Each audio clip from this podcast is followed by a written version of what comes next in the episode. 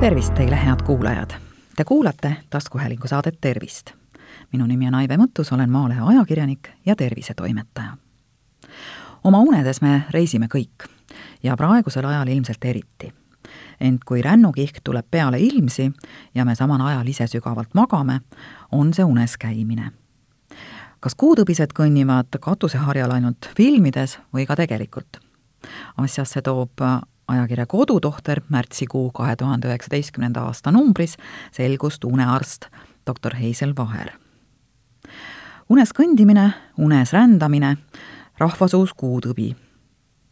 ega see õigupoolest tõbi ei olegi, vaid suhteliselt healoomuline unehäire, kui sellega kaasnevad ohud välja arvata vanast ajast peale on usutud, et kuutõbine kipub rändama ja ronima ainult täiskuu ajal meditsiinikirjanduses ei ole toodud esile seost täiskuu ja unes kõndimise ning üldse magamise vahel.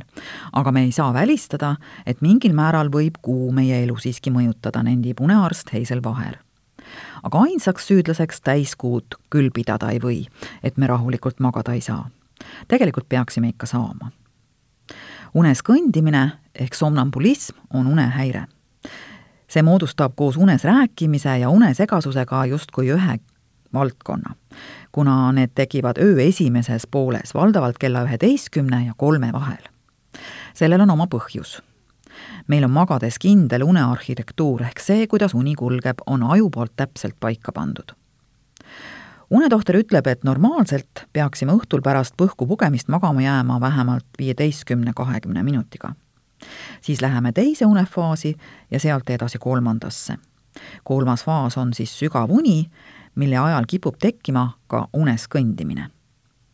kuigi unesrändajate hulgas on ka täiskasvanuid, on sageduse järgi tavaliselt unes käijad alla kümneaastased lapsed ning sellel on enamasti perekondlik taust.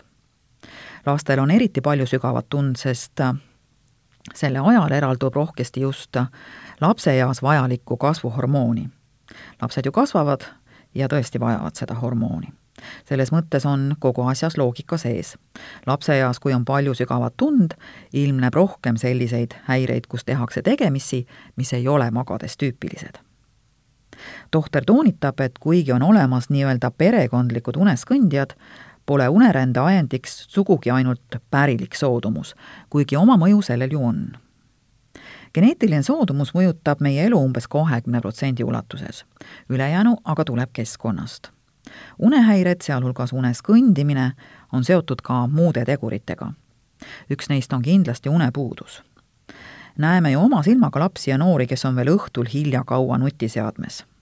mida rohkem magamine on häiritud, kas siis ebapiisava pikkuse, ebaühtla ja ühtlase alguse ja lõpuga ning pikitud ärkamistega uni, seda rohkem on nendel lastel unes kõndimist ja unes rääkimist, samuti segasust ärkamisel kuutõbiseid oli loomulikult enne nutiseadmeid ka, aga need annavad rahutule unele rahutust juurde. lapseeast on meeles, kui räägiti kõhtu seest õõnsaks võtvaid ja taldu kõditavaid lugusid kuutõbistest, kes võivad unes turnida isegi maja kitsal karniisil, kuid alla ei kuku, ent niipea, kui talle hüüda ära sinna mine, sajab ta kohe potsti alla. ikka müstika küll, eks ole unes kõndimine ja muud unetegevused on väga vähe mõtestatud, kui nad seda üldse on. tegelikult on need sihipäratud tegevused ja eks sellepärast olegi nendele palju kirjanduslikku ja müstilist oreooli ümber loodud, leiab doktor Heisel Vaher. uneskõndjaid on filmides tõesti pandud ka katuse servale kõndima no miks siis ometi? sest inimene satub siis oma mitteteadliku tegevusega ohtlikku olukorda ja kõik see kõditab vaataja meeli ja pakub põnevust unetohter tõdeb, et kuutõbised on ka tegelikult sattunud õnnetustesse, saanud luumurde ja muid vigastusi. no näiteks mööda rederit kõrgele ronides ja sealt alla kukkudes. selliseid juhtumeid on ette tulnud. kui meil on keegi lähedane uneskõndija, siis esimene meede ongi muuta tema kodu tema jaoks turvaliseks. panna ustele helinad või alarmid, rõduuksele näiteks barrikaad ette juhuks, kui ta läheb öösel unes kusagile liikuma ja seda sellepärast, et teised pereliikmed kuuleksid. samuti tuleks ära panna ohtlikuks saada võim mööbel. Heisel Vaher nendib, et on olemas isegi sääraseid täiskasvanud unesrändajaid, kes istuvad öösel ise magades autorooli ja sõidavad. Pole raske ette kujutada, kui ohtlik see on neile endale ja teistele. ja ikkagi sellel põhjusel, et nad ei adu oma ümbrust sellisena, nagu see on. sel juhul tuleb loomulikult autovõtmed ööseks silma alt ära panna tundub tõeliselt müstiline, et kuutõbine magab, silmad lahti ja tegutseb nagu päeval jah, silmad on tal küll lahti, aga kui paneme peale ajutegevust jälgivad elektroodid, siis näeme, et unes kõndija on sügavas unes ning tema tegevus on täiesti koordineerimatu aju eri osade vahel, mis ärkvel olles võimaldavad meil mõista, mida me teeme. seega kontrollimehhanism ei tööta. põhjuse-tagajärje seost aju ei analüüsi. Tohtri sõnul on see nii ka unes rääkimisel ja unes söömisel ükskord käis tema vastuvõtul mees, kes kurtis, et lapsed ei lepi enam sellega, et ta hommikuks nende pähklipõi purgi kogu aeg tühjaks sööb. aga ma ise ei tea, et ma öösel söön ja kehakaal muudkui kasvab, kurtis mees. seega peale unes käimise on ka unes söömine teadvustamata tegevus ja aja jooksul muutub see tervisele ohtlikuks.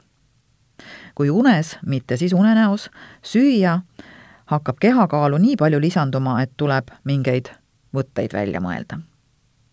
teinekord aga inimene mäletab, et ta käis öösel magusat noolimas või sõi kõhu muud head paremat täis. kui unes kõndimine või unes söömine ilmneb lapseeas, seda eriti ei mäletata. täiskasvanu aga mäletab oma öiseid unesegaseid tegevusi rohkem ja tema võib ka sellel ajal ise üles ärgata räägib unearst ja toob võrdluseks. kui sügavalt magavat last on peaaegu võimatu äratada, siis väga vähe on täiskasvanuid, kes oma nime hõikamise või näiteks raputamise peale üles ei ärkaks. kord pajatas üks kodutohtri lugeja, et tema mehega juhtus selline lugu. oli suveaeg, öösel märkas naine, et mees on kõrvalt kadunud ja koridoris tema kingad ka naine läks kaasat otsima, et ehk tuulutab teine end aias niisama aga ei, mees oli läinud väravast välja, istus lähedal asuva bussipeatuse pingil ega saanud üldse aru, kus ta on. ja mis kõige kummalisem, ta oli korralikult riides ja kingad olid ka jalas. unenägudes võime kas või kuu peal ära käia, kuidas aga sügavas unes inimene suudab bussipeatuse üles leida ja enne veel kingapaeladki korralikult kinni sead-, siduda. arst seletab me oleme ju sotsiaalsed olevused, kindlad oskused on meil automaatselt olemas ja see võimaldabki teatud olukordades toime tulla. me teame, kuidas miski asi käib, kuid me ei teadvusta alati endale iga liigutust, mida me teeme.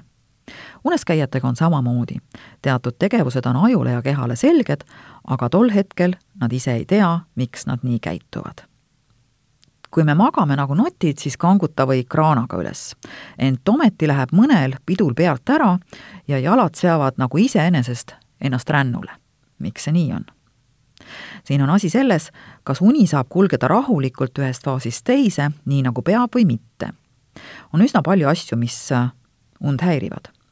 sageli see, et me ei pühenda oma unele piisavalt tähelepanu, jääme magama ja ärkame erinevatel aegadel magame vähem, kui kehale hea on. valgusstimulatsioon, mida saame arvuti ja teleekraanilt, lükkab uinumise paari tunni võrra edasi. loetleb doktor Vaher vaid osad süüdlastest unes kõndimise, unes söömise ja unes rääkimise sagedane põhjus ongi just see, et meie unehügieen ei ole korras. tohter toonitab, et uni võib katkendlik olla ka seetõttu, et liiga hilja õhtul sai rüübatud musta kohvi on kasulik teada, et kofeiin laguneb kehas aegamööda, olenevalt inimesest neli kuni kuus tundi. ka väga hiline söögiaeg häirib une normaalset kulgu.